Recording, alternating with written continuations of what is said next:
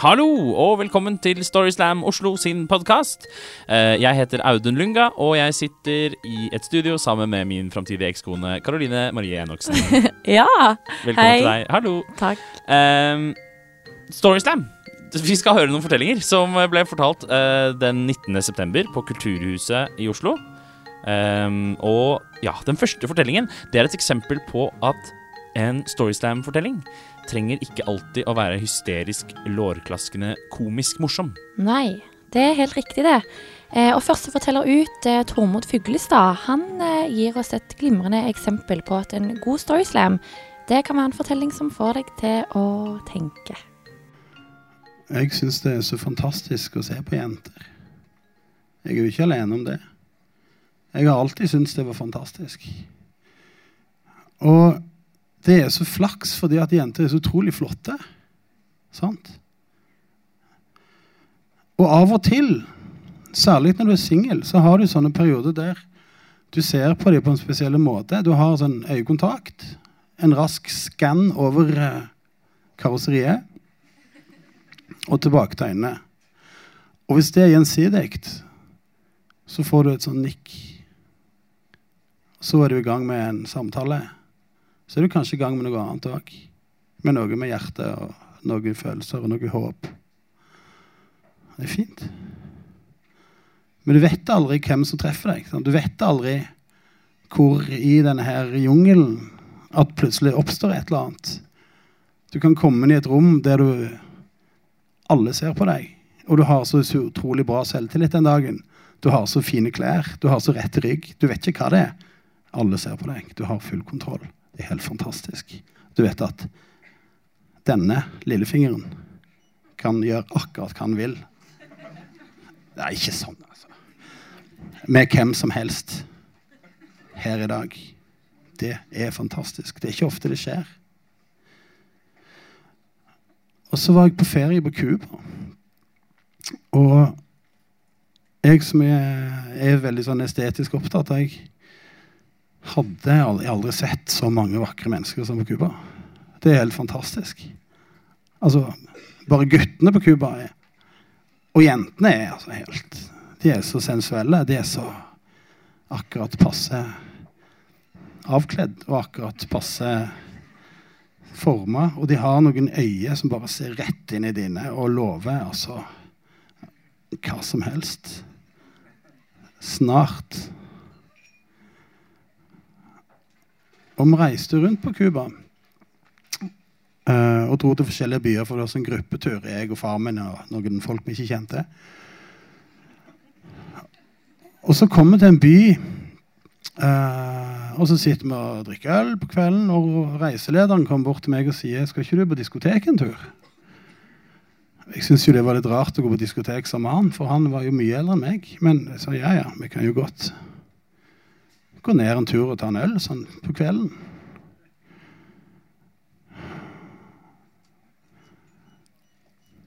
Jeg har aldri gått inn i et rom med så mye sex. Det var så tjukt at jeg måtte nærmest slåss meg gjennom lufta. Det var vanskelig å puste. Jeg går mot baren. Tusen øyne stirrer på meg. Og de ser meg gå bort til baren. Og de ser meg kjøpe ei øl. Og de ser meg se litt sånn streife rundt på øynene og litt på bekledningen, kanskje. Det var veldig vanskelig å unngå å se på bekledningen, syns jeg. Så jeg snudde meg litt vekk for liksom å prøve å ta inn det som skjedde nå. Og så uh, lener reiselederen seg fram. Og lavt, sier han. De bare tuller og snakker lågt på Cuba, for det er ingen som skjønner norsk der. Men jeg, han snakket lågt. Så sier han «Eh, ja, her er det bare å kjøre på.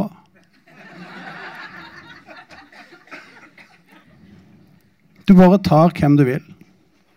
Ta henne med deg ut. Der finner du en pirattaxi. Den ber du å kjøre til et hus. Hun vet hvor det huset er hen. Og eh, så tar du samme bilen tilbake etter en halvtime eller en time. Men husk å avtale pris først.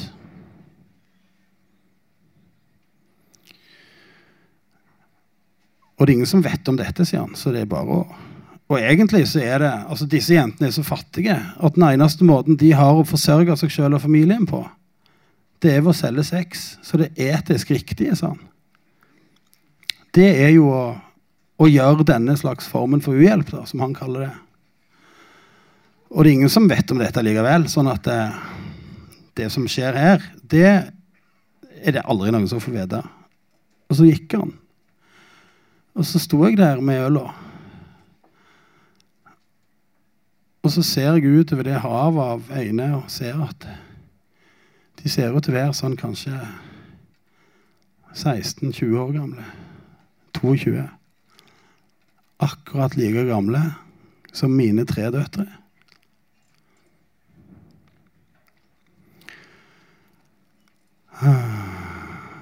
Og jeg kan gjøre akkurat hva jeg vil. Og det er jo ganske enkelt. Jeg går eh, Jeg går sakte gjennom mengden. Jeg syns det er ganske vanskelig å, å, å se på dem. Men det er jo dumt å ikke se på dem òg, for man er jo høflig, og de stryker liksom borti skuldrene og sier ord som jeg ikke skjønner, men som jo skjønner hva det betyr. Uh, så jeg går bort til døra og går ut. Og ei av jentene blir med meg ut. Går det bra med deg? sier hun. Jeg bare Ja, jo, ja. Jeg er jo helt satt ut. sant? Men jeg sier det går jo bra, for jeg er jo norsk, så det går jo bra. Uh, er det noe jeg kan gjøre for deg? Altså, nei, sier jeg. Det er, det er greit. Jeg skal bare gå. Jeg skal bare gå, jeg nå. Så det går helt fint. Jeg ser i det lyset her ute at hun ser ut til å være omtrent 15 år gammel. Kom her, sier hun. Så tar hun meg i hånda og så drar hun meg nedover veien. Og jeg er jo norsk, så jeg blir jo med. sant? Vi går kanskje 100 meter ned veien. Så drar hun meg inn i, inn i en døråpning. Og så bestiller hun to toast og to appelsinjuice. Og så setter vi oss ned for å vente på maten. Og eh, jeg kan jo akkurat nok spansk til at jeg kan snakke om mat og familie. De to kjerneverdiene i mitt liv. Og jeg skjønner at hun, hun var 15. Og hun bodde en halvtime unna byen. Og hun gikk på skolen i ukene. Men i helgene dro hun inn til byen og jobbet på det diskoteket fordi at hun var med å forsørge familien sin. Uh, vi sitter og snakker lenge. Hun er akkurat som en vanlig 15-åring. Det er helt fantastisk. Så når mannen kommer bort for å prøve å avtale pris og pirattaxi, så sier jeg bare det er greit. Nei takk. Og han ser på meg og sier er det noe galt? Er ikke hun fin? Er ikke hun flott? Jeg sier jo, hun er kjempefin. Vi har det knallfint.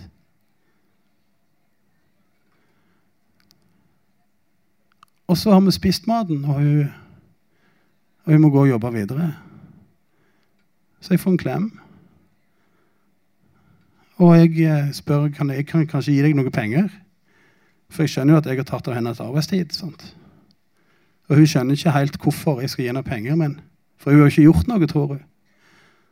Men uh, hun har sett meg og gitt meg akkurat det jeg trenger. Et smil og en klem og en toast og et glass appelsinjuice.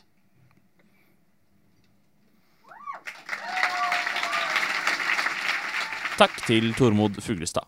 Jeg tror de fleste mennesker i verden har kjent på lengselen etter å ha et kjæledyr som kan synge og gjøre triks. Ja, helt klart. Jeg har selv kjent på den lengselen mm. i en årrekke. Men nå har jeg jo truffet deg, Audun. Ja, det har du. Eh, Yngvild Danielsen, eh, også kjent som Ylla, er neste forteller. Eh, jeg vil gjerne fortelle om da jeg var åtte år. Og det var den sommeren det bare regnet én dag i Bergen. Nabolaget har fått eh, en ny lekeplass. Det var dissestativ, det var eh, klatrestativ og rusjebane i ett. Så sommerferien den kunne bare komme. Men det jeg ikke visste, var at dette var sommeren da alle barna hadde en ny klubb som jeg ikke fikk være med i. Og det var BMEK-klubben. Eh, barn med egne kjæledyr-klubben. For det viste seg at alle barna hadde fått seg sitt eget kjæledyr den sommeren. Astma-Terje hadde fått seg en kattunge. Krøllekår hadde fått seg en kanin. Lavevenke hadde fått seg undulat. Tvillingene på haugen hadde fått seg til og med nakenrotter. Og på toppen av det hele så hadde Bodil sin labrador fått seks valper. Så Bodil hadde syv kjæledyr. Som gjorde at hun naturlig ble leder av klubben. da. Og jeg hadde så å si lekeplassen for meg sjøl. Men jeg måtte jo bli med i denne klubben. Og så kom jeg på hvorfor jeg ikke hadde fått meg kjæledyr. Jeg hadde verdens strengeste foreldre. Så da var det bare én person som kunne hjelpe meg, og det var tante Liv. Som bodde i huset ved siden av. Så jeg gikk inn til tante Liv mens hun satt og så på Dirty Dancing som vanlig. Satte meg på, eh, på stuebordet og fortalte om, eh, om min situasjon, da.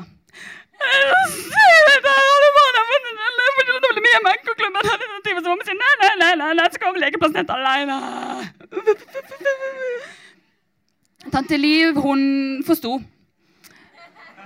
Eh, og hun visste akkurat hva hun skulle gjøre. Så hun gikk bort til telefonen som hang på veggen ved siden av TV-en, og ringte mamma. Det måtte gjøres. Hun gikk litt unna, så jeg kan høre hun mumle i bakgrunnen mens jeg satt og så på TV-en.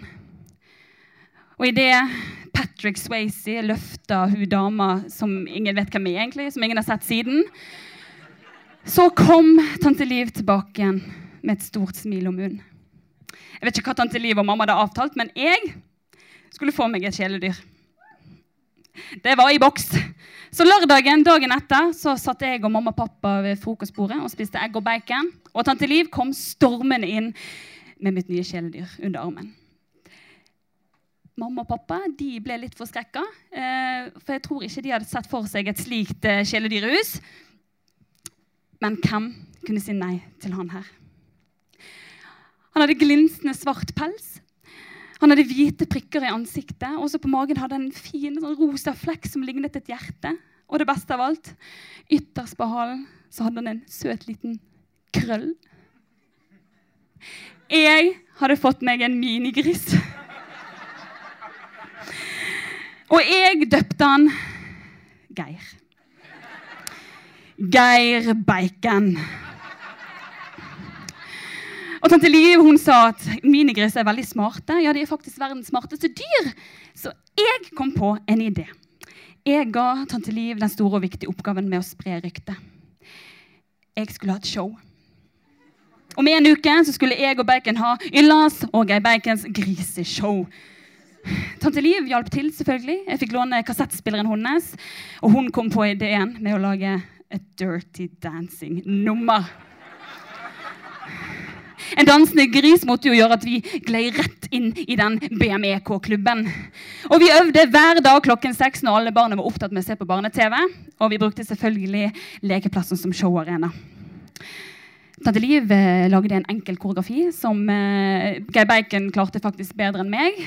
Og hun lærte meg å synge ordentlig engelsk. And I have the time of my life.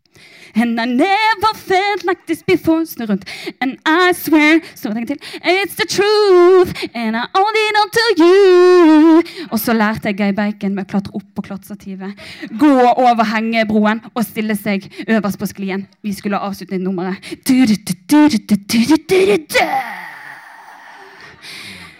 Der sto jeg som Patrick Swayze, Guy Bacon som hun dama som ingen vet hvem er, som ingen har sett siden. Og vi var klar for show. Og showdagen kom samtidig da det skulle begynne å regne. Og da jeg trodde at alt håp var ute, så sluttet det faktisk å regne. Akkurat da showet skulle begynne. Det var meant to be. Og regnet hadde gjort oss en stor tjeneste. Nå var jo lekeplassen skinnende rein. Det var en del søleputter her og der, men det gjorde ingenting. Vi kunne bruke det som ekstranummer. Og Bodil hun satt på første rad, akkurat der vi ville ha henne. And I have the time of my life. And I never felt. That's before, and I swear it's the truth, and I own it onto you. Ok, Bacon han gjorde seg klar, løp over hengebroen øverst på eh, sklien, mens jeg gjorde det lille ekstra.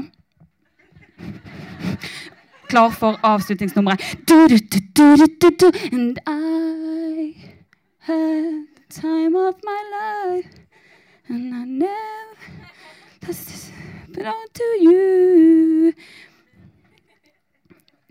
Regnet hadde gjort at Geir Bacon han fikk jo en enorm fart. Så han havna i fanget på Bodil. Bodil hun spratt opp og prøvde å riste av seg den våte grisen. Og havna da i den største søleputten av dem alle. Og det viste seg at Astma-Terje var allergisk mot gris. Så da var det gjort. Jeg fikk ikke lov til å bli med i BMEK-klubben. Men jeg hadde jo Bacon å leke med på lekeplassen. Og jeg hadde skapt meg et navn. Fra den dagen av ble jeg kalt Griseylla. Takk. Takk til Ingvild Danielsen, også kjent som Ylla. Eh, det var alt for denne gang. Vi håper du har hatt the time of your life. Ja, og at du aldri har følt det på denne måten før. Mm, det har ikke vi, i hvert fall. Nei, det er klart. Eh, neste Storyslam, Audun, når blir det? Det blir den 17. oktober 2016 klokken 8. 20, for de som er usikre på det. Um, det blir på Kulturhuset her i Oslo. Uh, og det blir kjempegøy. Masse folk kommer. Og så skal vi selvfølgelig også minne om uh, det store mega-super-finaleshowet på slutten av året, uh, som heter Grand Slam, og som enkelte av oss i hemmelighet kaller for Store Slam. Mm, så selv om vi ikke får lov. det er den 28. november på Rockefeller. det går an å kjøpe billetter online på et, et eller annet sted. På Ticketmaster.no. Internett. og det er også klokken åtte. Ja. og kjøp i vei. Vi ses. Det blir kjempestas. Det er et finaleshow hvor alle vinnerne av tidligere Storyslam eh, som vi har eh, arrangert, skal komme og konkurrere mot hverandre om å bli best av de beste. Yes. Og hvis du er en av de som også har lyst til å være med og konkurrere om å være den beste av de beste, eh, eller delta på Storyslam, så kan du sende oss en melding. Enten på Facebook-sida vår, eh, Storyslam Oslo, eller du kan sende oss en e-post på storyslamoslo.gmail.com. Eller du kan sende en SMS privat direkte til Karoline. Ja. Eh, nummeret finner du på link i bio.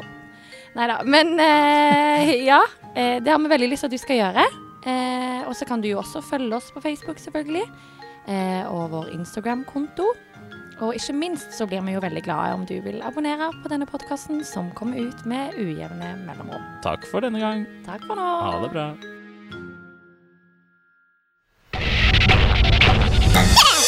Monster.